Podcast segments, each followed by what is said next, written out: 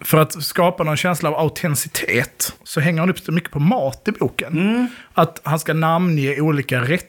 Mm. Ja. Arabiska eller rätter från Nordafrika eller Mellanöstern. Det finns ju någon slags detaljfixering. Det är inte bara så att han tog en cigg, utan då, han, han rökte en cigarett av det tunisiska märket Boubrubam. Mm, liksom. Och nämner han hamnen i Göteborg så är han också tvungen att nämna, eh, vilket är roligt kan jag tycka, eh, här i det här sammanhanget, eh, de kommunistiska eh, Hamnarbetarna. Mm. hamnarbetarna till exempel. Och då kan man ju li- liksom som läsare förledas att tro att det här har någon slags vikt i boken. Men det har det ju inte liksom, utan det är bara, det strösslas med extremt mycket Ja, det detaljer. staplas skulle jag Ja, till och med säga. ja. Ibland, eh, och då jag som ändå är en militärt överintresserad person, kan ju tycka att det är lite väl. Ibland är det fan ja, men typ tre sidor om Fredrik Virtanens korvtillverkning. Mm, det blir bara, ja, men, kan du inte bara skriva att han tillverkade korv? Liksom? Ja, men liksom, Och, och man förstår, alltså direkt fattar man. Hela hans grej kommer vara att han har serverat muslimerna vildsvinskorv. ja. Bara skriv det då. Eller liksom, Mm, exakt, jag fattar ju att det är dit jag är på väg. Ja. Mm.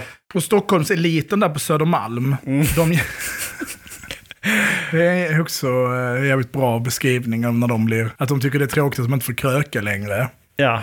Men annars är de, med- är de med liksom. Och där finns det också den, här är det väl evolutionen i Iran han tänker på. Jag tror till och med att han refererar till den kanske. Han skriver någon gång om att, så här, att man hjälper